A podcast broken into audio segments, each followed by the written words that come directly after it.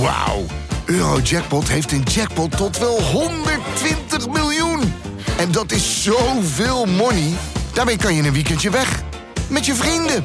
In space. Koop je lot in de winkel of op eurojackpot.nl. Eurojackpot. Een spel van Nederlandse Loterij. Speelbewust 18+. Plus.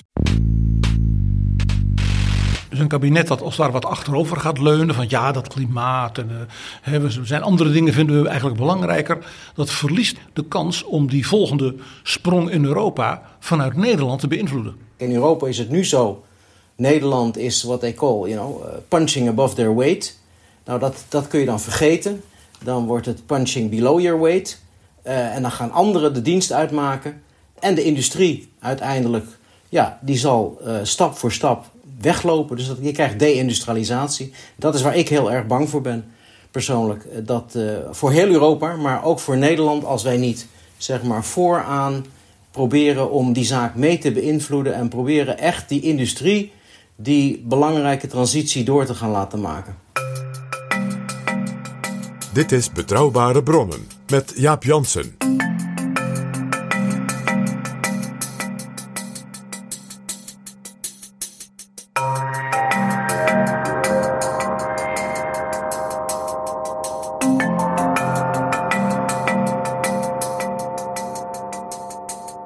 Hallo, welkom in Betrouwbare Bronnen, aflevering 389 en welkom ook PG. Dag Jaap. PG, wij nemen deze aflevering op bij de Algemene Ledenvergadering van de Nederlandse Vereniging Duurzame Energie, de NVDE.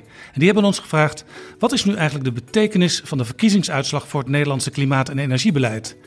Ik zag trouwens op de dag na de verkiezingen al activisten van Greenpeace in de Hofvijver met een spandoek: geen klimaatontkenner in het torentje.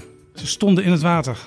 En premier Rutte, die daar nu nog zit, die deed zelfs het raam even open om ze toe te spreken. Maar ja, hij wist natuurlijk ook niet wat er nu allemaal aan zit te komen in Den Haag. Nee, Mark Rutte die doet op een hele boeiende manier alsof hij bijna niet meer in Den Haag is. Dat is natuurlijk de vraag, PG. Wat gaat er gebeuren de komende tijd in Den Haag? En dat gaan we zo bespreken met Olof van der Graag, directeur van de Nederlandse Vereniging Duurzame Energie. En ook praten we iets later in deze aflevering met Noé van Hulst. Hij was waterstofgezant van de Nederlandse regering en is nu verbonden aan een internationaal partnerschap voor waterstof. En hij adviseert het Internationaal Energieagentschap. Maar de reden waarom we hem straks bij ons hebben is dat hij voor het demissionaire kabinet leiding gaf aan een groep ambtenaren die het huidige klimaat- en energiebeleid in beeld bracht en voor de kabinetsformatie opties heeft opgeschreven hoe het beleid de komende jaren vorm kan worden gegeven. Een ambtelijk advies, hij is onafhankelijk voorzitter. De formerende partijen kunnen er dus mee doen wat ze willen. Nou Jaap, dat is maar de vraag. Want wat hebben die, hebben die mensen onder leiding van Noé van Hulst opgeschreven? In feite een routekaart van de lange termijn processen waar Nederland, maar dus ook dat duurzame energiebedrijfsleven dat hier bijeen is. Met heel veel opties, maar ja, die opties die hoef je natuurlijk niet allemaal uit te voeren. Nee, maar ook als je een optie niet uitvoert, doe je iets. Dus elk, elke stap in die routekaart is er één die natuurlijk beïnvloedt weer andere. Want het is ook een heel complex proces. Daarbij speelt is Nederland niet in zijn eentje. We doen dit uh, met onze Europese partners. Maar kijk naar de kop in Dubai. De klimaattop. Met honderden landen. Hele grote en hele kleine. En dat is allemaal onderdeel van dat proces. Dus dat document is buitengewoon interessant daardoor. Want je kijkt ook 10, 20, 30 jaar vooruit. En tegelijkertijd het dwingt de formerende partijen en straks de informateur. om als er in die routekaart ook zelf dan ook een weg te bepalen. Over al deze dingen gaan we het hebben. Maar eerst, PG, zijn er nog nieuwe vrienden van de show? Ja, die zijn er weer, Jaap. En we zijn heel blij met jullie. Jij, Leonie en Marivonne en Nico. En er zijn ook nog losse donaties binnengekomen? Ja, van Dirk Jan en van John en van Nathan en van Ido en van Tom. Heel erg bedankt. Wil jij ons ook steunen? Ga dan naar vriendvandeshow.nl slash bb. Jaap, hoe zat dat ook alweer met Triodos Bank? Daar had je het de vorige keer al over. Ja, onze sponsor. Triodos Bank is de bank die Nederland en de wereld mooier wil maken en met jouw spaargeld goede groene dingen wil doen. En dat is dus wat anders dan bij hun concurrentenbanken? Nou ja, veel banken financieren van alles, Triodos ook, maar ze kijken extra scherp wat het betekent voor duurzaamheid, voor het klimaat, voor de energietransitie. Dus als je bij hen bankiert, dan weet je dat ze kijken naar dingen die bijvoorbeeld fossielvrij gaan. Ja, ze financieren nooit direct de productie of verkoop van olie, gas of kolen. Ze noemen zichzelf de Bank voor Positieve Verandering. En als je daar nou meer over wil weten, Dat kan PG via triodos.nl slash betrouwbaar. Trouwens, een spaarrekening is er gratis en je hoeft er geen andere rekening bij te hebben. en je ontvangt een aantrekkelijke spaarrente, zie ik op triodos.nl slash betrouwbaar. Triodos, een bank met impact. Ga naar triodos.nl slash betrouwbaar. Dit is Betrouwbare Bronnen. PG, we hebben al een aantal afleveringen gemaakt over de verkiezingsuitslag en de kabinetsformatie. En die kabinetsformatie die zit nu in een spannende fase, zou je kunnen zeggen. Ja, het wordt vaak onderschat, behalve ook die vorige keer met al dat ongeluk hè, met eh, de functie elders en wat dan niet, dat de verkennende fase vaak de bepalende fase is. Want als daar duidelijk wordt welke groeperingen, welke stromingen het avontuur met elkaar aandurven om als ware in in informatiefase in te treden, dan moet je dus met je plasje bij de dokter. Hè? Dan moet je gaan zeggen, oké, van mijn programma vind ik dit heel belangrijk en ik snap dat jij dat van jouw programma belangrijk vindt. En zo komen we er samen uit. Dat is wat in een informatie gebeurt. Dus de verkenning is, ja, is toch is heel spannend. Want daar kan men ook soms op het laatste moment terugschrikken. We zijn nu in een fase dat dus de verkenner, Ronald Plasterk, zelf het gevoel heeft dat hij klaar is. Ja, de verkenner die, die schrijft aan de Kamer dat eh, vier partijen, de PVV, de VVD, NSC en BBB, nu echt met elkaar willen gaan praten. Heel interessant. Uh, het woord onderhandelen, dat komt eigenlijk nog niet voor in zijn brief. Vandaar dat ik zei dat zo'n verkenning zo spannend is. Want het maakt dus verschil of je zegt we gaan voort met aftasten van de mogelijkheden tot samenwerking. Of dat je zegt we gaan met deze partijen proberen een concept van een regeerakkoord te onderhandelen. Ja, dat zag je de vorige keer. Cenk Willink was heel lang bezig met dat eerste. En mevrouw Hamer maanden met de poging tot dat tweede. Ja, er liggen natuurlijk nog een aantal uh, blokkades. Om maar eens iets heel belangrijks te noemen. De grondrechten, waar Pieter Omtzigt veel nadruk op legde. Kan hij de PVV wel voldoende vertrouwen in het nakomen, het naleven van uh, onze grondrechten? Nou, dat gaat niet alleen over omzicht dat kan vertrouwen. Het gaat erom of Nederland en bijvoorbeeld ook de partners van Nederland buiten ons land dat kunnen. Jaap, zo'n verkenning biedt dus hele spannende momenten. Zo begreep ik dat gedurende de gesprekken met Plasterk uh, vanuit Nieuw Sociaal Contract was gevraagd: kunnen we niet een hoogleraar vragen uh, een soort advies te geven over hoe je verschillende soorten kabinetten zou kunnen doen? Minderheidskabinet, extra parlementair kabinet, zakenkabinet. Ja, Paul bleek... Boventeert uit Nijmegen heeft daar een onderzoek naar gedaan. En het bleek dus dat de andere drie zoiets hadden van ja, sorry, moeten we over dit soort theoretische exercities nu een advies gaan vragen, terwijl we nog bezig zijn te kijken of, of we wel tot de vertrouwensbasis kunnen komen. Dus dat geeft aan hoe gevoelig en hoe aarzelend en weifelend dus dit soort situaties en kunnen zijn. En over die grondrechten waar ik het net over had, daar heeft een andere hoogleraar, Wim Voermans uit Leiden, ook onderzoek naar gedaan. Die heeft een soort doorrekening gemaakt van de verkiezingsprogramma's. En daar blijkt dus uit dat je met name bij de PVV, maar ook wel bij andere partijen, op sommige punten vraagtekens kunt zetten. En er is natuurlijk nog een ding wat, uh, waar ze ook nog niet uit zijn. Het lag al een beetje besloten in die vraag van Pieter Omtzigt over welke vorm van kabinet willen we eigenlijk. Uh, de VVD die heeft uh, bij voorbaat al gezegd, wij willen eigenlijk wel zo'n rechtskabinet, maar we willen het mogelijk maken vanuit de Kamer. We willen niet zelf daarin gaan zitten. Het is de vraag, denk ik, van wat wordt dat uiteindelijk? Maar ik denk ook dat ze dat het liefst nog heel erg ver vooruit duwen. Dat ze eerst maar met elkaar willen gaan praten om te kijken of ze op hoofdlijnen van beleid al een eind kunnen komen. Maar je kunt er niet omheen dat de andere drie zeg maar, gesprekspartners uh, naar de inputs van de VVD in die gesprekken, zeker als het ook echt onderhandelingen worden, gaan kijken en ook gaan afwegen en ook wel een beetje wantrouwen zullen houden als onhelder is wat de VVD uiteindelijk zal doen. Ja, het wordt natuurlijk voor alle deelnemers makkelijker om tot elkaar te komen. Als ook alle deelnemers bereid zijn uiteindelijk op hetzelfde level en in dezelfde wijze aan tafel te gaan zitten. Mag ik een voorbeeld geven, Jaap? Om het gewoon concreet te maken. Stel de VVD zegt wij vinden het van groot belang dat er op beleidsterrein X dit gebeurt. In reguliere kabinetsformaties is dat een signaal dat zo'n partij graag iemand van hun kleur op die post wil.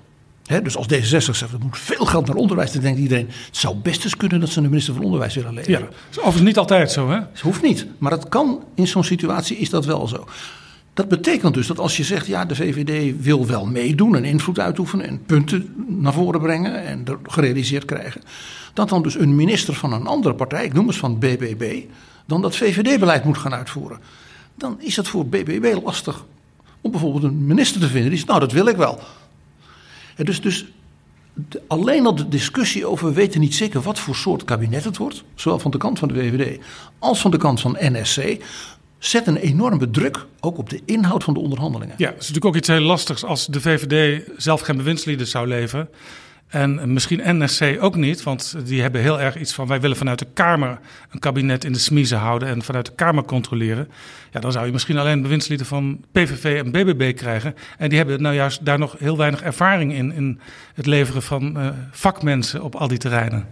Ja, zeker als dan ook nog de nadruk erop ligt aan de kant van NSC dat het experts moeten zijn.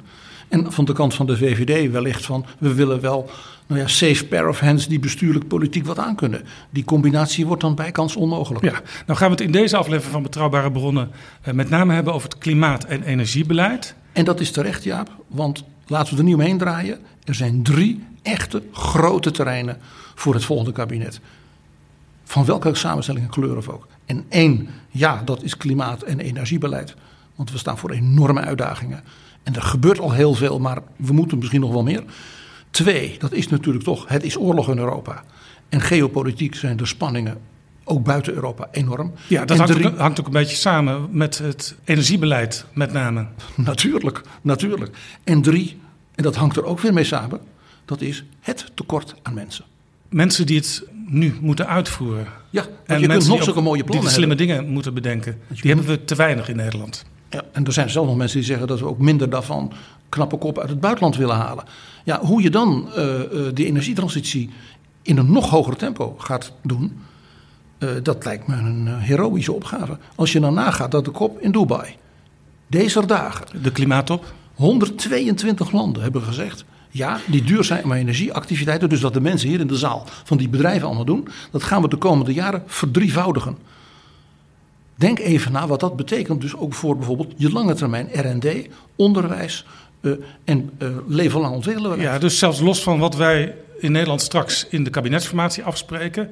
Hier zijn we ook bij betrokken en dit is in feite al besloten. Ja, en als dus, als dus Nederland daarin meedoet en stel een nieuw kabinet zegt, nou ja, daar hebben wij niks mee te maken. Dan heeft dat ook weer consequenties, niet alleen voor Nederland, maar voor je relaties met die andere landen. Want dat zijn wel je partners. Dat zijn je partners in de NAVO, dat zijn je partners, eh, handelsnaties, dat zijn je EU-partners. Dus deze dingen grijpen allemaal in elkaar. Ja, als ik nou even naar ehm, de nieuwe Tweede Kamer kijk, die 150 zetels. eh, dan zie ik ongeveer 63 zetels die grosso modo het bestaande afgesproken beleid willen voortzetten. Ik weet niet of je ze allemaal wholeheartedly bij kunt rekenen, maar daar, daar zie ik bij de VVD, NSC, CDA, SP, DENK, SGP, ChristenUnie. Een boeiende coalitie heb je bedacht, Jaap. Dan zie ik een aantal eh, partijen die veel verder wilden gaan. 39 zetels samen. GroenLinks, Partij van de Arbeid, D66, Partij voor de Dieren en Volt. Maar ook 48 zetels van partijen die niet zo heel veel op hebben met het ingezette beleid. En die zich afvragen of dit allemaal wel nodig is. De PVV, BBB, Forum voor Democratie en Ja21. En natuurlijk twee van die partijen zijn nu betrokken bij de kabinetsformatie. Dus wat dat, Ja, twee die dus zeggen... dat toe leidt. Nou ja, wat je dus hebt, dit wordt dus buitengewoon interessant op dit beleidsterrein. Namelijk twee partijen die zeggen, we hebben een beleid ingezet. Nederland hè, probeert zijn best te doen, laten we volhouden. En misschien op sommige punten, hè, zie die kopbesprekingen, ook nog onze ambities nog sterker moeten. En twee die zeggen, we, door de shredder. Nou, dat betekent dus voor eh, de komende informateur een heroïsche klus, ja. Dit lijkt me een spannend moment om Olaf van der Gaag erbij te gaan halen, de directeur van de Nederlandse Vereniging Duurzame Energie. Dat zijn bedrijven en organisaties die sterk betrokken zijn bij de energietransitie.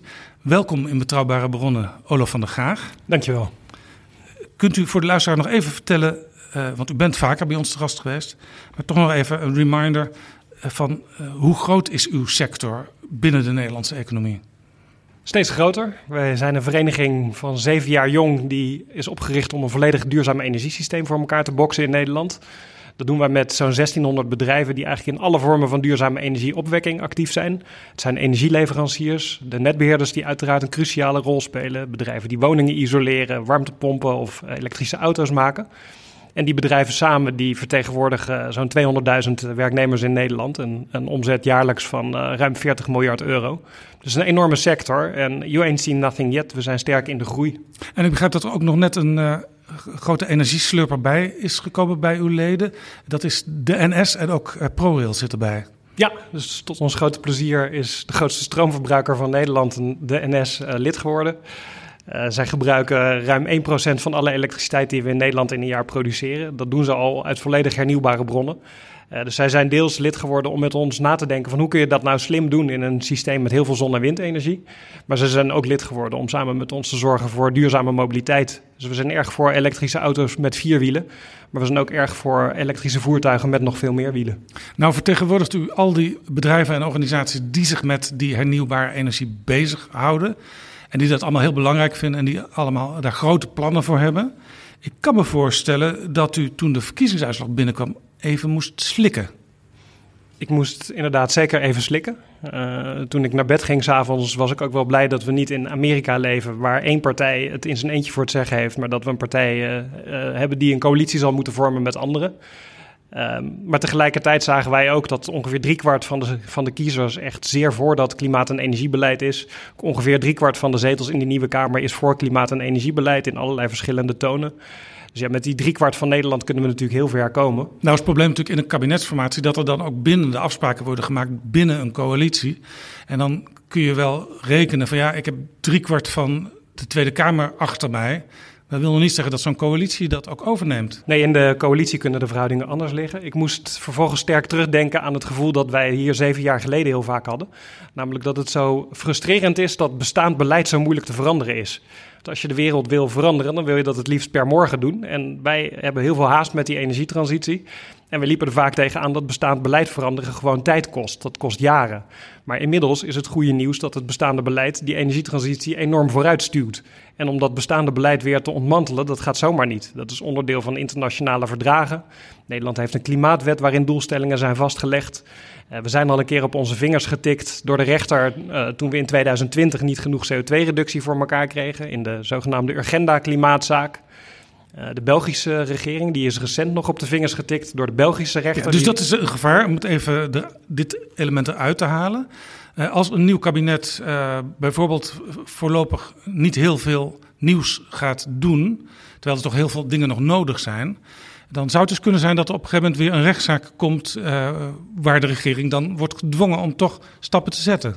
Ja, dat lijkt me zelfs eigenlijk heel waarschijnlijk. Dus ja, in de eerste plaats hebben we dus driekwart meerderheid aan onze kant staan. In de tweede plaats hebben we allemaal uh, bestaand beleid en wetgeving die ons dwingt om die kant op te gaan. En ook een cruciale factor is dat heel veel mensen en bedrijven natuurlijk maar over één ding aan het nadenken zijn bij hun energievoorziening. Hoe kan ik zo snel mogelijk onafhankelijk worden? Hoe kan ik grip krijgen op mijn energierekening? En hoe kan ik mijn uitstoot naar nul krijgen? Want dat is gewoon de economische toekomst. Ja, want dat is natuurlijk een van de meest opvallende dingen, denk ik, vergeleken met zeven jaar geleden. Is dat heel grote delen van bedrijven, organisaties en dergelijke eigenlijk verder zijn in hun denken en zelfs in hun doen dan de discussies in Den Haag. Ja, die bedrijven die weten dat ze vanuit het Europese emissiehandelsstelsel in 2040 geen uitstoot meer mogen hebben uh, in de elektriciteitssector en in de industrie.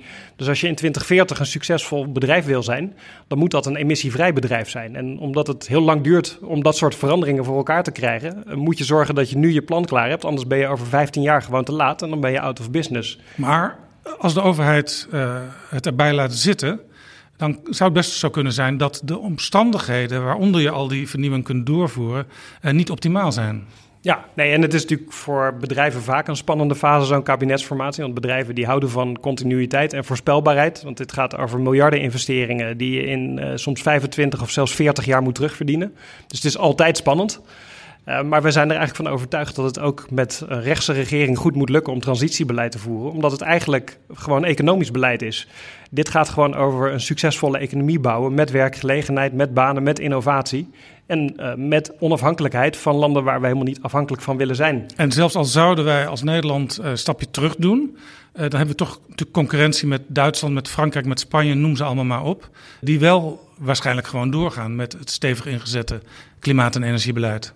Ja, en ook die Nederlandse bedrijven. En het lijkt soms misschien alsof die energietransitie een soort uh, levertraan is uh, die uh, met, met, met dichtgeknepen neus naar binnen slikt. Maar in feite maakt een groot deel van die energietransitie ons leven natuurlijk gewoon al lang veel beter.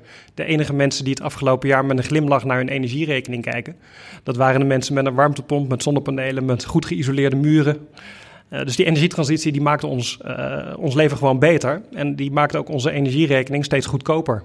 Het gaat om bestaanszekerheid en daar hoort ook dus een krachtige economie bij. Nou zijn de stemmen geteld. De kabinetsformatie is begonnen. We hadden natuurlijk twee jaar geleden ook een kabinetsformatie. En dat is dan voor een organisatie zoals de Nederlandse Vereniging Duurzame Energie ook een moment om eh, toch nog weer extra te gaan lobbyen. Hoe gaat dat in zijn werk? Wij proberen natuurlijk nu te bedenken van wat sluit goed aan bij de huidige politieke werkelijkheid. En wat voor ons een heel cruciaal element in die energietransitie is, is dat het eigenlijk om de uitvoering gaat. Dus we hebben geen discussie meer over waarom doen we klimaatbeleid. De meesten weten dat echt wel. Het gaat er nu om hoe zorg je dat het succesvol is. En dat is eigenlijk veel minder ideologisch. Dat gaat veel meer om gewoon praktische dingen waarin we van dag tot dag weer beter worden. Dus zorgen dat er snellere vergunningen zijn voor projecten dat we tijdig uh, de energieinfrastructuur gerealiseerd hebben. En dat we die ook slimmer gaan benutten door niet alleen in de spitsuren allemaal op het elektriciteitsnet te gaan, maar ook de daluren optimaal in te zetten. Dus het gaat veel meer om praktische issues. En ik denk dat ook uh, de nieuwe regering, van welke kleur dan ook, die gewoon op zal willen lossen. Omdat we anders ook simpelweg geen nieuwe woonwijken of bedrijventerreinen meer kunnen bouwen. En minder regels, minder vergunningen, minder bureaucratie zijn dingen die bij dat type partijen vaak populair klinken. Ja, dus wie weet uh, lukt het ons daadwerkelijk om te zorgen dat we niet langer acht jaar aan het praten zijn in Nederland en in twee jaar onze projecten moeten bouwen, maar dat we ook dat praten tot twee jaar weten terug Ik herinner me uit de vorige formatie, die is pas twee jaar geleden, dat uh, informateur Mariette Hamer ook heel veel maatschappelijke organisaties ontving om hun wensen uh, te horen. Maar ik herinner me ook dat uw club, de NVDE, zelfs al aan haar voorganger Cenk Willink, die eerst vijf weken bezig was, een brief had gestuurd met een aantal punten van let hierop, dit moet echt de komende jaren echt gaan gebeuren in Nederland. Ja, klopt. En zo'n brief zijn we uiteraard nu ook weer aan het voorbereiden. En die gaat u nou voorlezen aan ons? En uh, die ga ik bij deze voorlezen. In die brief zullen we zeggen... Je mag het beperken tot enkele hoofdpunten. Okay. Daar zullen we schrijven, beste Ronald, uh, stel dat het Ronald Plasterk wordt die hier weer in door uh, gaat. Wij hebben in de eerste plaats grote behoefte aan een uitvoeringsagenda voor de energietransitie. Praktische maatregelen waardoor netbeheerders sneller vooruit kunnen, sneller wind- en zonneparken gebouwd kunnen worden, woningen kunnen worden verduurzaamd. En in de tweede plaats hebben we een veel efficiëntere manier van werken nodig. Waardoor we met de schaarse vakmensen die we hebben veel meer woningen kunnen isoleren. En ook uh, de industrie tijdig kunnen helpen aan duurzame energiebronnen. En niet allemaal op elkaar gaan zitten wachten. Maar een heldere uitvoeringsagenda waar ook duidelijke deadlines in staat. Van wanneer stoppen we waarmee. Zodat je ook mensen en bedrijven beschermt tegen desinvesteringen. Dus dat is eigenlijk een van de belangrijkste dingen waar een overheid voor moet zorgen. Uh, zekerheid voor bedrijven en burgers van waar zijn wij aan toe, zodat wij daar op onze eigen agenda kunnen afstemmen. Ja, precies. En het is heel cruciaal om te beseffen dat het grootste deel van de energietransitie over zeer kapitaalintensieve investeringen gaat. Als het project eenmaal gerealiseerd is, of het nou een windmolen is, of een geothermieproject, of een zonnepaneel, of een warmtepomp of woningisolatie, daar heb je tientallen jaren plezier van. Alleen je, al je kosten zitten bijna aan de voorkant. En daarom is het voor die duurzame energiesector nog belangrijker dat de overheid voorspelbaar en betrouwbaar is. En u praat natuurlijk ook in deze periode van formeren met de nieuwe Kamerleden die over klimaat en energie gaan. Kent u ze allemaal al? Nou, met de PVV hebben wij nog nooit uh, persoonlijk contact gehad. Met de Boer-Burgerbeweging en met Nieuw Sociaal Contract hebben wij met verschillende kandidaten al contacten gehad. En wij merken dat zij gewoon eigenlijk heel praktisch aan de slag willen met die energietransitie. Dus het is minder bevlogen en mogelijk ook minder ideologisch dan we van sommige andere partijen kennen. Zij zijn vooral op zoek naar een pragmatische aanpak waarmee bijvoorbeeld boerenbedrijven kunnen zorgen dat ze grip op hun energierekening krijgen. En het mooie is, die boeren die zijn natuurlijk gewend om al producten uit de natuur te oogsten, uh, namelijk eten. Voor hen is het eigenlijk maar een kleine stap om ook energie uit de natuur te oogsten. En voor een belangrijk deel doen ze dat ook al. Ja, dus u verwacht eigenlijk ook bij BBB een soort van coalitiepartner naar uw sector toe? Ik denk dat sommige onderwerpen zelfs makkelijker worden met de BBB. Bijvoorbeeld de inzet van uh, reststromen uit de tuinbouwsector uh, benutten voor energie of de productie van groen gas uh, uit de veehouderij. Dat gaat denk ik met hun makkelijker eerlijk gezegd dan met GroenLinks. Hoe komt het dat met de PVV eigenlijk nog nooit echt contact is geweest? Wij nodigen ze eigenlijk consequent altijd uit, ook voor onze verkiezingsdebatten. En zij kiezen er tot nu toe zelf voor om er niet aan mee te doen. Uh, partijen die in hun programma schrijven dat ze klimaatbeleid in de shredder willen gooien, die wekken bij ons natuurlijk ook geen grote gevoelens van liefde op. Uh, dus we hebben er ook niet heel hard aan gewerkt. Dus mogelijk gaan we daar nu wel ook Misschien meer toch ook een klein beetje spijt daarvan dat u toch nog iets harder aan moet, had, had moeten trekken. Want ja, het zijn nu wel 37 zetels in de Tweede Kamer. Nou wij gaan in ieder geval alle nieuwe Kamerleden uitnodigen om op energietransitietour met ons uh, te gaan en te zien wat voor gave dingen onze leden allemaal aan het realiseren zijn. Daar zullen we ook zeker de PVV van harte voor uitnodigen. Als ik nou zeg, ik vermoed dat het komende kabinet geen tweede Rob Jetten en ook geen tweede Christiane van der Wal zal kennen. Dat, men, dat doet het goed, symbolisch, minder ministeries, eh, onderwerpen waar men toch niet zo mee heeft, om dat te schrappen. Dus wat zou dat betekenen voor uw sector? Ja, dat is een hele goede vraag. Ook een hele moeilijke vraag, eerlijk gezegd. Zeg je nou eigenlijk, PG, dat er misschien helemaal geen aparte klimaatminister meer zal zijn in een nieuw kabinet? En ook geen aparte stikstofminister, dat is wat ik zeg, ja. Het is heel makkelijk in onderhandelingen om dit soort. We hebben de regeringsverklaring te zeggen: wij hebben nieuw beleid. Kijk eens, en hoe, hoe zie je dat? We zijn gestopt met dat net bedachte ministerie twee jaar geleden. En dat is nog nergens voor nodig. Dat kan de minister van Economische Zaken. Het wordt gewoon het oude economische zaken dan. Ja. Nee, het zou goed kunnen. Uh, tegelijkertijd is het volgens mij altijd vooral de uitkomst van een politieke tombola hoeveel ministerschappen er nou uiteindelijk zijn. Uh, en ook toen uh, bijvoorbeeld Henk Kamp of Erik Wiebes minister was, hebben we hartstikke goede afspraken over de energietransitie kunnen maken. Dus dit is niet iets waar wij van wakker liggen, denk ik. We weten al wel wat dingen als we natuurlijk naar de verkiezingsprogramma's hebben gekeken. Ik leidde onlangs een kenniscoalitie-debat. En dat kunt u ook terugluisteren in Betrouwbare Bronnen 381. En uh, daar bleek eigenlijk dat uh, NSC die wil een aantal fondsen afschaffen. Het Groeifonds, het Klimaatfonds, het Stikstoffonds. Maar bijvoorbeeld ook de VVD wil van dat Groeifonds af. Nou ja, en de PVV die heeft er nooit wat in gezien. Wat, wat, wat uh, heeft het afschaffen van die fondsen, als dat daadwerkelijk gebeurt, voor invloed op de toekomst van duurzame energie? Ik zie bij uh, Pieter Omtzigt bijvoorbeeld dat hij die fondsen wil afschaffen, maar vervangen door normale uitgaven die in de jaarlijkse miljoenennota terugkomen. Vanuit parlementaire controle vindt hij dat zuiverder. Ja, daar zit, is op, zit op zich iets ja, in. Dat Elk is geen jaar gekke redenering, dat zou kunnen. Maar het is wel goed om te bedenken dat eigenlijk het grootste deel van dat klimaatfonds al lang besteed is. Uh, dus het lijkt altijd alsof daar nog een soort uh, gratis lunch beschikbaar is, maar die is er niet. Het grootste deel. Nee, dit, dit, bier is al uitgeserveerd. En de grap is, het grootste deel van het bier dat nog niet is uitgeserveerd... is bedoeld om kerncentrales in Nederland te bouwen. En nou net alle vier de partijen die nu die gesprekken voeren... die zijn fan van kerncentrales. Dus als zij het klimaatfonds in de shredder gooien... dan gooien ze ook kerncentrales in de shredder. Zouden ze dat al weten? Ik vermoed van niet, maar wij proberen ze daarover bij te praten.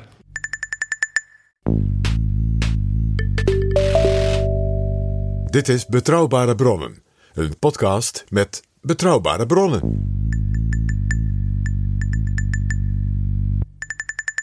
We praten met Olaf van der Gaag van de Nederlandse Vereniging Duurzame Energie. En we halen nu ook Noé van Hulst erbij. En die komt tot ons uit Parijs, waar hij adviseur is bij het Internationaal Energieagentschap. Welkom in Betrouwbare Bronnen, Noé van Hulst. U was onafhankelijk voorzitter van een ambtelijke werkgroep met mensen uit eigenlijk alle betrokken ministeries om het bestaande beleid over klimaat en energie in kaart te brengen, het effect van dat beleid en wat er de komende kabinetsperiode nodig is. Uh, hoe heeft u dat in kaart gebracht? Nou, wat we hebben gedaan is eigenlijk uh, het volgende. Je kunt zeg maar drie, drie blokken onderscheiden in ons rapport. Het eerste is kijken naar de huidige knelpunten die er zijn in de energietransitie. Denk aan dingen als uh, netcongestie en wat je daaraan uh, zou kunnen doen en zou moeten doen in een nieuw kabinet. Het tweede blok is eigenlijk, ja, wat zijn de strategische keuzes voor een nieuw kabinet op weg naar 2030? Wat zijn daar nog de, uh, ja, de manoeuvreerruimtes die je zou kunnen hebben als nieuw kabinet? Um, wat zijn de voor- en nadelen van verschillende routes daarin? En de ja, periode na 2030. Wat zou je nu al moeten doen? Wat zou een kabinet, een nieuw kabinet nu al moeten gaan doen om eigenlijk zich goed voor te bereiden op de periode na 2030 op weg naar klimaatneutraliteit? Dat zijn zeg maar de drie grote blokken die in dat uh, dikke rapport zitten. Ja, dat rapport is op 1 december aangeboden aan de Tweede Kamer. De opdrachtgever was trouwens uh, de SG van uh, Economische Zaken en Klimaat. En minister Rob Jette heeft het natuurlijk vanuit zijn rol naar het parlement gestuurd. Dat rapport heet Keuzewijzer Klimaat en Energie. En in het voorwoord schrijft u... Het gaat, als het om dit beleid gaat, over een lange en hobbelige weg naar klimaatneutraliteit. Kunt u dat eens toelichten? Lang en hobbelig. En vooral het hobbelig, ja, daar ben ik lang, naar. Ja, ik wil net zeggen, lang, dat is denk ik, uh, denk ik vrij evident. We zijn op weg naar min 55 procent. Dat gaat overigens niet automatisch in 2030. Moet nog het nodige voor gebeuren, maar komen we misschien nog over te spreken. Maar goed, daarna moet je natuurlijk verder uh, heel veel zware keuzes die nog moeten worden gemaakt... om uiteindelijk in 2050 klimaatneutraal uit te komen. dus dat is een hele lange weg. Het is geen, uh, wat ik heb gezegd, het is geen sprint, maar een marathon. Ja. En uh, zoals het bij een marathon gaat, ja, dat, is, dat gaat met zijn ups en zijn downs. Dat heb ik geprobeerd uit te drukken met een hobbelige weg. Je kunt nooit van tevoren precies helemaal uitstippelen hoe die weg zal gaan. Er zijn zullen altijd tegenvallers zijn, er zullen kronkels in de weg zitten.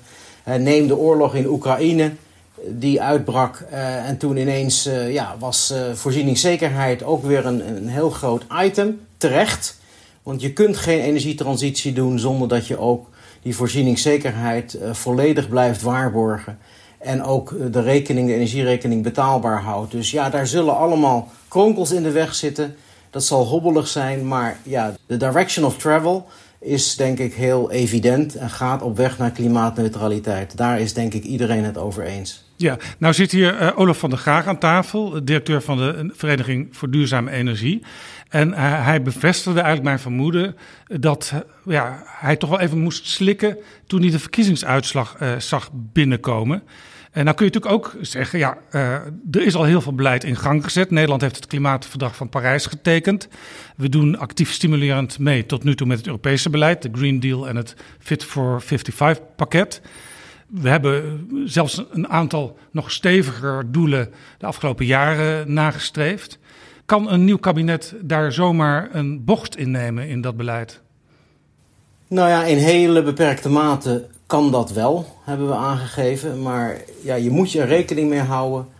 Elk kabinet, van welke snit en welke samenstelling dan ook, ja, dat we lid zijn van de Europese Unie en dat de Europese Unie heel veel beleid in feite al heeft uitgestippeld.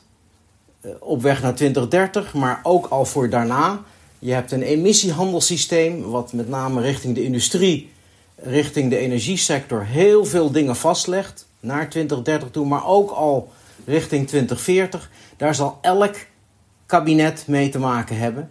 En uh, daar kun je dus niet aan onttrekken. Je kunt natuurlijk wat krabbelen aan de marge wat dingetjes hier en daar eh, die binnen die marges nog mogelijk zijn, wat minder doen, wat gas terugnemen.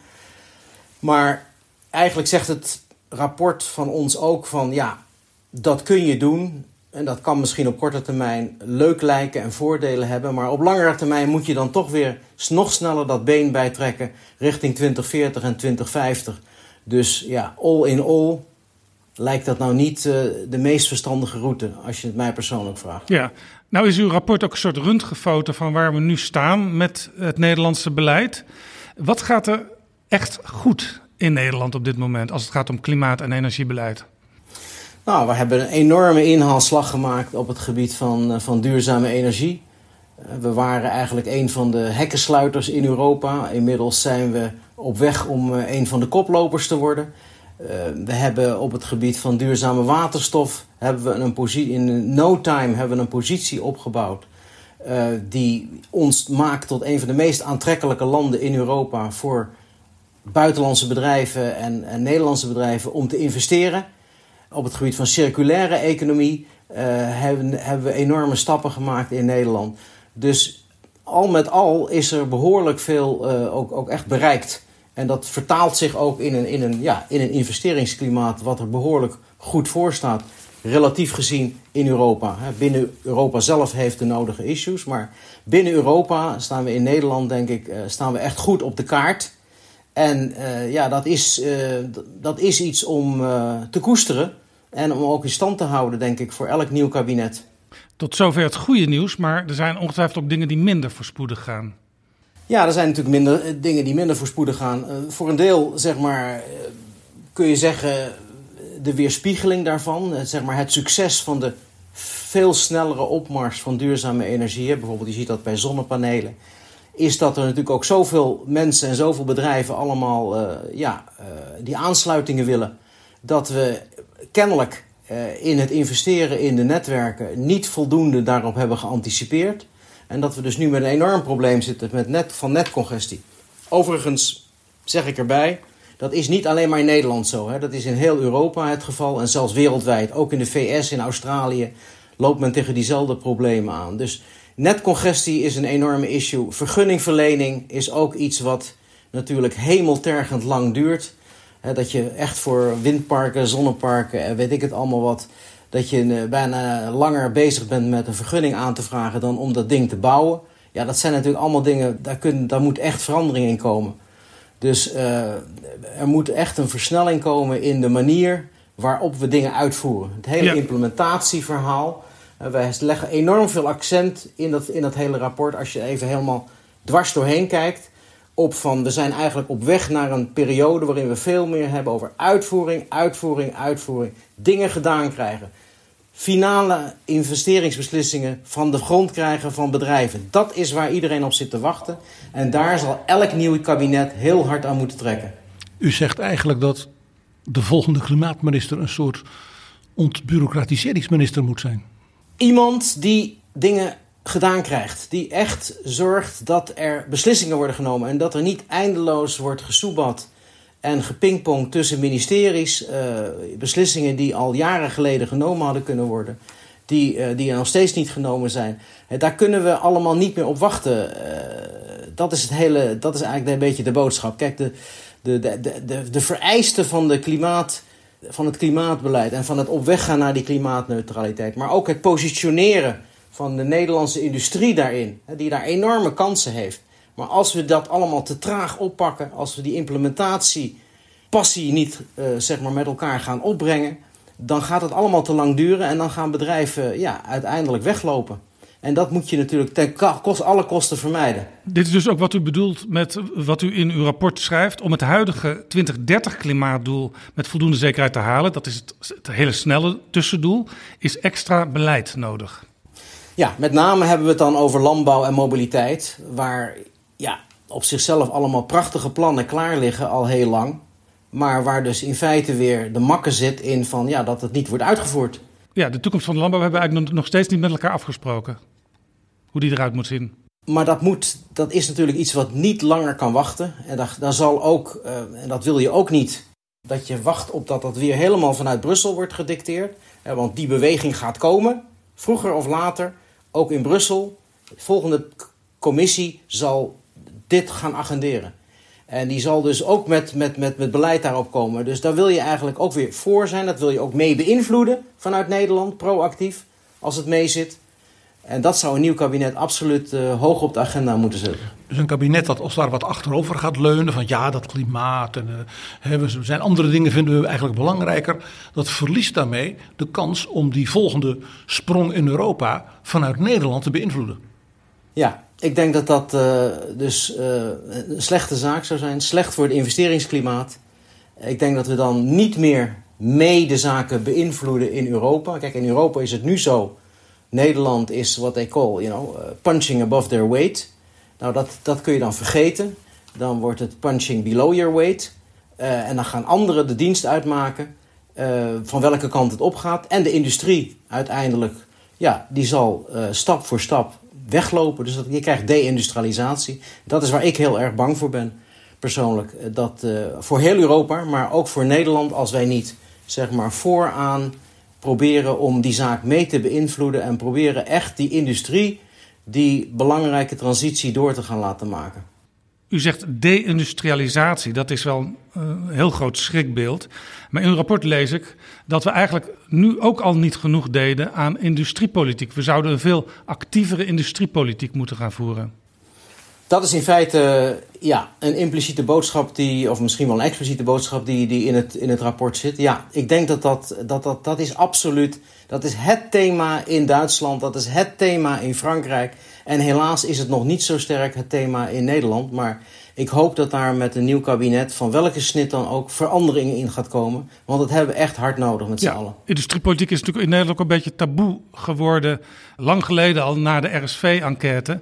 Eh, u heeft ongetwijfeld op economische zaken ook gezien eh, hoe Nederland daar eigenlijk zijn handen van aftrok. Van actieve industriepolitiek. Maar dat moeten we nu dus echt weer heel stevig gaan oppakken. Ja, dat is, dat is zeg maar een andere, dat is een hele andere fase van, eh, van de ontwikkeling waar we toen in zaten. Maar die, die tijd is echt voorbij. En je ziet overal trouwens, hè, in de hele wereld, industrial policy is back. Dus industriebeleid overal staat weer hoog op de agenda. Zelfs in de Verenigde Staten, eh, zelfs in, in, de meeste andere Europese landen, is echt, eh, en met name dan gericht op verduurzaming. Hè, op het ontwikkelen van de nieuwe waardeketens, van de nieuwe industrie. En ook het helpen van die industrie die ook essentieel is, zoals de chemie, voor eh, groene chemie, voor de nieuwe industriële revolutie, waar we in feite voor staan. Eh, Die hebben we hard nodig. En dat zal echt ondersteund moeten worden. Dat gaat niet vanzelf. Het gaat allemaal te traag. Kijk, als we dat 30 jaar geleden waren begonnen, misschien wel, kan je wel met prijssignalen en met een, met een, eh, met een CO2 hoge CO2-prijs gaat het allemaal vanzelf. Maar dat, daar zijn we nu allemaal te laat voor. Het is veel, de urgentie is veel te hoog. Dus er zal echt heel actief industriepolitiek nodig zijn om dat mogelijk te maken. En ik neem aan dat u dan ook vindt dat we dat wel in Europees verband een beetje moeten coördineren. Want in het recente verleden zei Nederland nog vaak, als het bijvoorbeeld om Frankrijk ging, waar bepaalde industrieën werden ondersteund door de overheid. Ja, dat willen we eigenlijk niet meer in Europa. Nee, ik denk dat Europa. Ik proef in Brussel heel duidelijk ook de tendens dat we die kant op moeten. Dus er gaat meer mogelijk worden dan wat we nu vaak denken in de komende periode. Eh, Vanuit Brussel. Maar zelfs dan denk ik dat we daar eh, at the end of the day niet op kunnen wachten. Dus ik denk dat we at the end of the day, eh, als, de, als, de, als de nood te hoog wordt, ook à la wat Duitsland nu al heeft voorgesteld voor de energie-intensieve industrie, zul je ook in Nederland, dat staat in feite met zoveel woorden in het rapport, zal een nieuw Nederlands kabinet ook iets dergelijks, hoeft niet precies copy-paste, maar iets dergelijks moeten overwegen. Ingebed natuurlijk in een decarbonisatiepad. In, want die industrie moet dan ook investeren in elektrificatie, in waterstof en in het, eh, het doormaken van die transitie eh, in een soort maatwerkafspraken eh 2.0, zoals we dat dan genoemd hebben. Is het de indruk juist die ik heb dat zowel Europees als bij de lidstaten, zeker de grote lidstaten, maar ook Nederland, men hierbij toch ja, zeg maar een flinke peper in de reet heeft gekregen dankzij Joe Biden. Tuurlijk. Ja. Ik denk dat Joe Biden een wake-up call was voor. eh, en de, de, de zogenaamde IRA, die Inflation Reduction Act, die eh, minder met inflation te maken had dan met het stimuleren van, eh, van duurzame energie. Zeker, dat was een absolute wake-up call. En goed, we hebben dan gelukkig, Europa is, heeft wel snel gereageerd met die Net Zero Emissions in Industry, Act, die dan nu ook is aangenomen. Maar ja, bij Europa gaat het vaak om van mooie plannen, mooie nieuwe strategieën, maar ja, wat is de implementatie? Daar, vandaar dat hameren de hele tijd in dat rapport ook op implementatie, implementatie, implementatie. En niet noodzakelijkerwijs in die volgorde, zoals iemand soms grapte. Maar dat is echt, daar moet het accent op liggen. Over implementatie gesproken, een van de dingen die mij opviel in het rapport was dat u zegt we moeten strakker gaan sturen op ruimtelijk beleid. Nou ja, wat we bedoelen is dat je natuurlijk ook daar ziet, ruimte is ja, eh, het intrappen van een open deur, dat ruimte een probleem is in een klein land. Eh, We moeten natuurlijk schipperen met die ruimte. Maar ja, als die transitie zo belangrijk is, eh, als we denk ik met z'n allen denken dat die moet zijn, dan moet je ook daar een prioriteit aan, aan durven te geven. ehm, als het gaat om het verdelen van, eh, verdelen van ruimte. En betekent dit En ook dat bijvoorbeeld dus- je- de landelijke overheid een, eh, misschien wel een doorslaggevende rol moet hebben als het gaat naar wat provincies en wat gemeentes doen met hun ruimte? In sommige aspecten, op sommige punten waarschijnlijk wel. Voor die projecten die zo cruciaal zijn voor de, voor de verduurzaming van een heel land misschien wel. En wij zeggen niet dat dat per se moet, maar daar moet je in ieder geval als het nieuw kabinet over nadenken.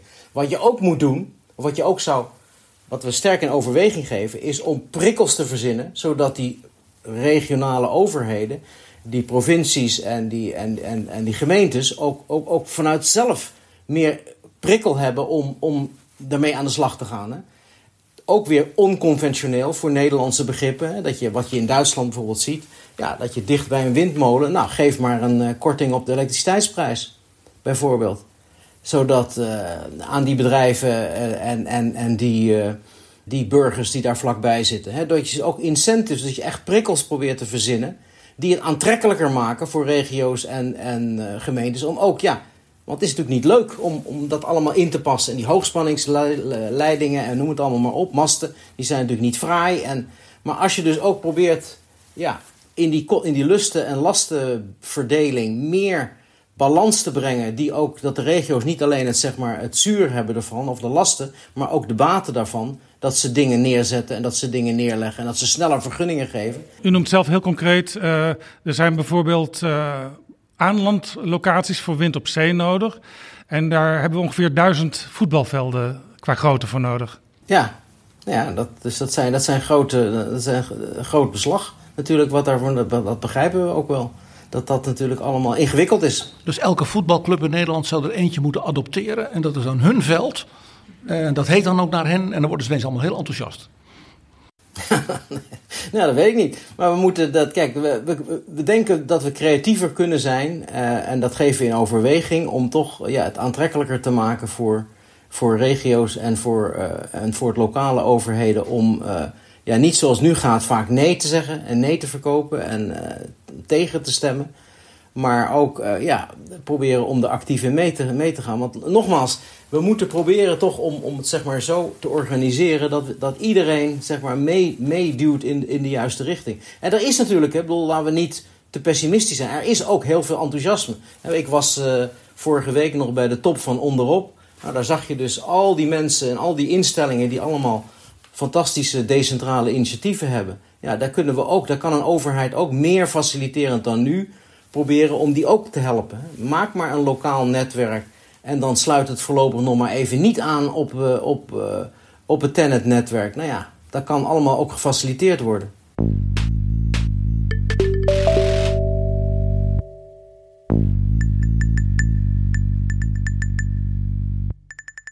Dit is Betrouwbare Bronnen.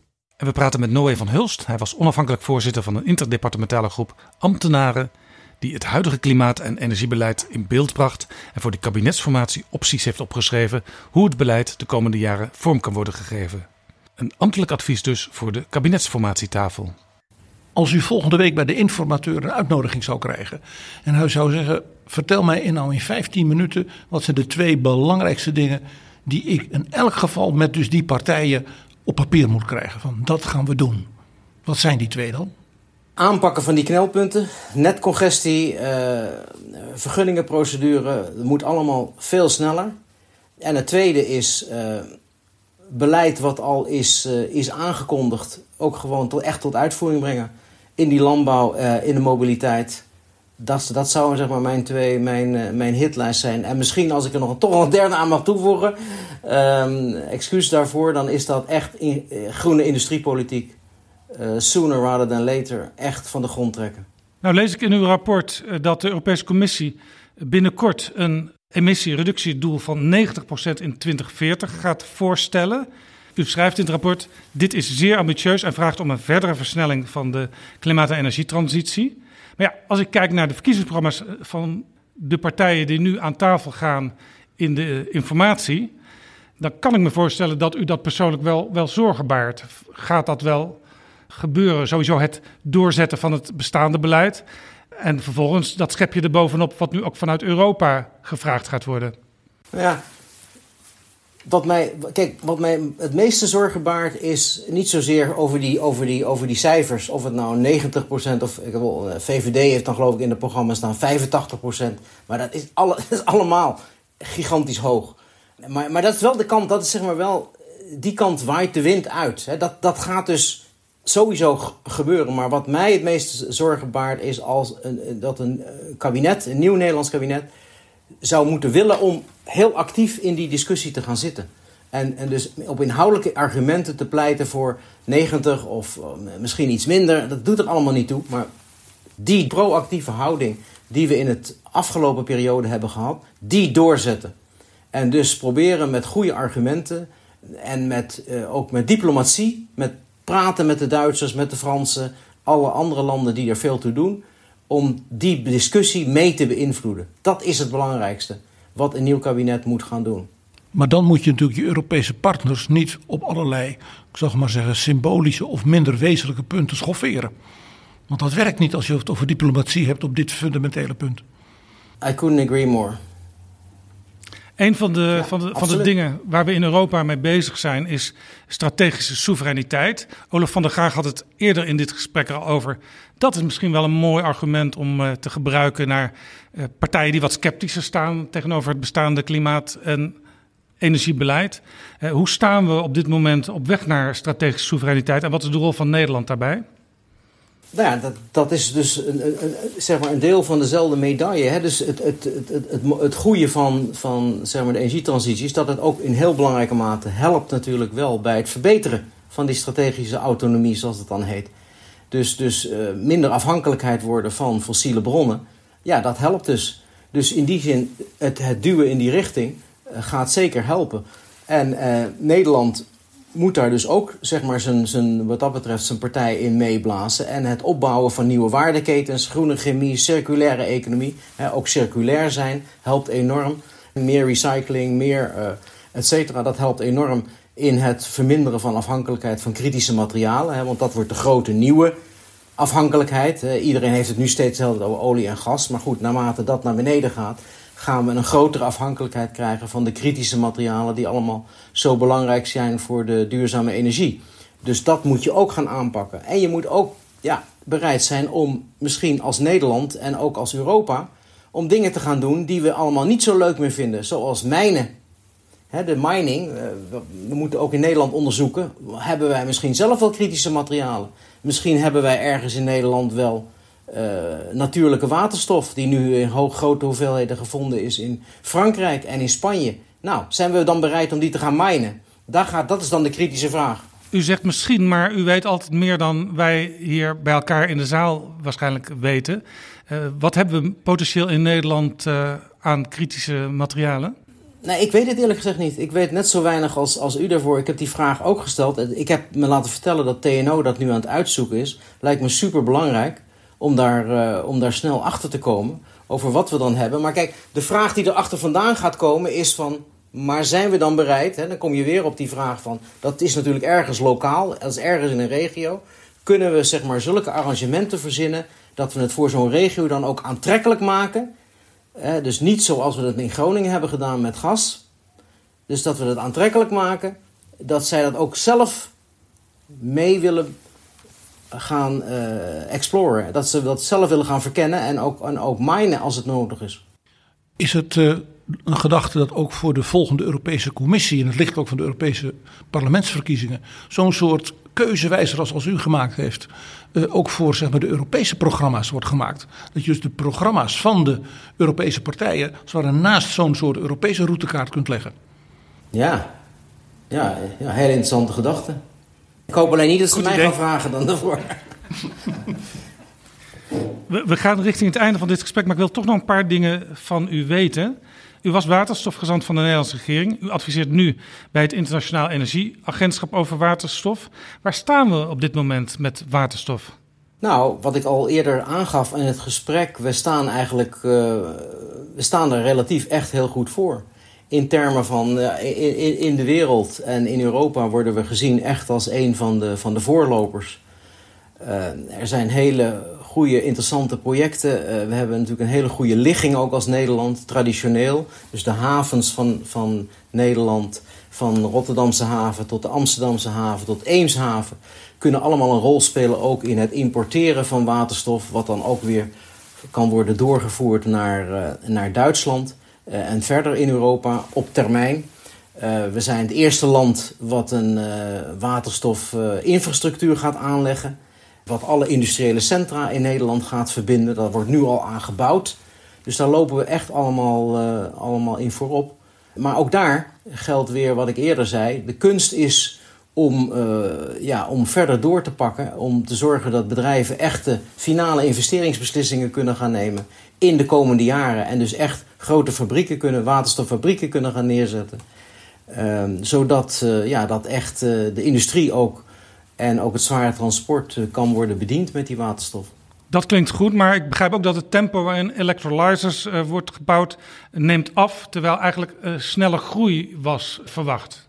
Ja, nee, we zitten, in een, we zitten absoluut, niet alleen in Nederland hoor, in, in, wereldwijd zitten we een beetje in een, in een moeilijke tussenfase, omdat er gewoon nog te veel onzekerheden zijn voor veel investeerders. Um, maar opnieuw, in Nederland, als we sneller zijn dan anderen om die onzekerheden weg te nemen, of althans zodanig te mitigeren dat bedrijven dat aandurven uh, met, een sterk, uh, met een sterk beleid, dan kun je ook weer uh, de meute voor zijn. En dan kun je in Nederland sneller dan anderen opschalen. En sneller dan anderen ook ja, laten zien dat het kan. Die kennis kan ook weer worden geëxporteerd naar andere landen die daarmee aan de slag zijn op dit moment wereldwijd. We nemen dit gesprek op maandag op. De klimaattop in Dubai die is nog gaande. Maar kunt u misschien toch op basis van wat we nu weten iets zeggen over wat er uit die top uh, komt, wat er waarschijnlijk uitkomt? Ik krijg wel goede signalen en goede geluiden over wat er überhaupt al gebeurd is. Even los van die precieze slotverklaring. Uh, want dat wordt dan heel erg verabsoluteerd over één of twee woorden in een slotverklaring. Maar de grotere beweging is dat die wereldwijd die energietransitie is gewoon volop gaande. Overal, niet alleen maar in industrielanden, maar overal in, uh, in, in, uh, in Azië, in Latijns-Amerika, in Afrika. En die is, uh, hoe ze dat noemen, unstoppable. Die, is, die gaat gewoon door. En of, dat, of deze kop nou een beetje tegenvalt of een beetje meevalt, natuurlijk hopen dat die meevalt en dan gaat het allemaal weer wat sneller. Maar deze beweging zet zich gewoon onherroepelijk door. Ik las vanmorgen het goede nieuws dat zelfs uh, Milei, de nieuwe president van Argentinië, heeft, uh, die al eerder aankondigde dat hij was nogal sceptisch. Maar die heeft gezegd van Argentinië blijft volop het Parijsakkoord steunen. Heeft iemand benoemd en onmiddellijk naar Dubai gestuurd om mee te onderhandelen. Dus die kettingzaag waar hij zich vaak mee manifesteert, die gaat binnenkort op renewable energy lopen. Um, Lijkt het op, ja. Overigens, deze conclusie die u hier trekt, die, die geldt misschien ook wel, als ik uh, even recapituleer wat wij dit afgelopen uur besproken hebben, ook met Olaf van der Graag, geldt misschien ook wel voor Nederland. Hè, wat er de komende jaren ook gebeurt. We zijn een route ingegaan die misschien op sommige punten wat trager zal verlopen de komende tijd, maar de koers is wel ingezet. Absoluut. Olaf? Ja, zeker. En uh, ik vind ook dat uh, Noé van Hulst uh, een prachtig rapport heeft gemaakt. Dat laat zien hoeveel dingen je eigenlijk tegelijkertijd moet doen voor die energietransitie. Er is niet één wonderknop die alle problemen oplost, maar het gaat over tientallen dingen tegelijkertijd. En het is ook heel goed dat hij ook benoemt wat er goed gaat. Hè. Nederland heeft in tien jaar tijd zijn aandeel duurzame energie verviervoudigd. terwijl wij hier zitten vandaag, worden er 700 warmtepompen geïnstalleerd en komen er 400 elektrische auto's op de weg in Nederland. Uh, de helft van alle stroom zal dit jaar uit hernieuwbare bronnen komen. Dus het gaat hartstikke goed. En soms lijkt het in de klimaat- en energiediscussie of we elkaar vooruit proberen te deprimeren door te vertellen wat er allemaal moeilijk en vervelend is. Maar eigenlijk gaan er heel veel dingen ontzettend goed. En dat krijgt steeds meer eigen momentum. Olaf doet me te veel eer aan. Ik heb dat rapport natuurlijk niet zelf geschreven. Ik heb dat rapport. Ik had een fantastisch secretariaat van vijf mensen. En, en ik had een hele werkgroep. Die hebben eigenlijk alle inhoud daarvoor geleverd. En ik was maar een, uh, ja, een onafhankelijk voorzitter die geprobeerd heeft om het in goede banen te leiden. Noé van Hulst, mogen wij u hartelijk danken dat u vanuit Parijs bij ons heeft willen en kunnen zijn. En uh, graag tot een uh, volgende keer. Ja, graag gedaan. Olaf van der Graag misschien helemaal tot slot. Wat heb je meegenomen uit dit verhaal? Ja, eigenlijk deed uh, het rapport van, en het gesprek met Noé van Huls me zowel aan Joop den L als aan Gerrit Salm denken. Uh, Joop den L over de smalle marges in de politiek. Als je snel verbetering wil realiseren, frustrerend. Maar als je bang bent dat de boel gesloopt gaat worden, is dat misschien geruststellend. Dus deed me in de eerste plaats aan Joop den L denken. In de tweede plaats aan Gerrit Salmen, omdat hij voor het financieel beleid de zogenaamde dekkingsplicht introduceerde. Als je iets wil uitgeven, dan moet je ook zeggen waar je het vandaan haalt. En eigenlijk geldt die dekkingsplicht denk ik ook voor klimaat- en energiebeleid. Het is heel makkelijk om te zeggen wat je niet wilt, maar dan zul je iets anders twee keer zo graag moeten willen. Dus als je geen normering wil die bijvoorbeeld warmtepompen of elektrische auto's verplicht stelt, ja, dan zul je twee keer zo hard aan subsidie uh, moeten uh, besteden. Dus dat gevoel van er zit een dekkingsplicht en als je het een niet wil, ja, dan moet je het ander twee keer zo hard. Dat haal ik heel erg uit dit rapport. Ja, dat wordt nog wel een hele kluif hè, voor de onderhandelende partijen als ze gaan onderhandelen. Uh, want drie van de vier hebben sowieso hun eigen verkiezingsprogramma niet eens laten doorrekenen door het Centraal Planbureau en het Planbureau voor de Leefomgeving. Ja, maar het mooie is dat in de Nederlandse klimaatwet is vastgelegd dat elk jaar het klimaatbeleid wordt doorgerekend op de vraag of het de doelstelling haalt. En de doelstelling is dan 55% CO2-reductie in 2030. Dus Planbureau voor de Leefomgeving doet elk jaar een ontzettend goede doorrekening daarvan. En daardoor moet de politiek hoe dan ook elk jaar met de billen bloot. Olaf van der Graag, mogen wij ook u hartelijk danken voor dit gesprek. Dank u wel.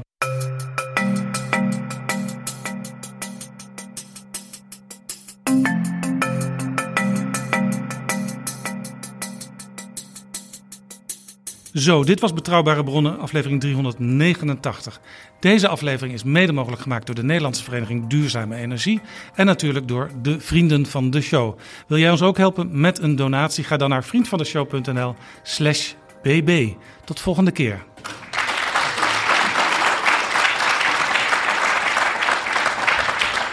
Betrouwbare Bronnen wordt gemaakt door Jaap Jansen in samenwerking met dag en nacht.nl.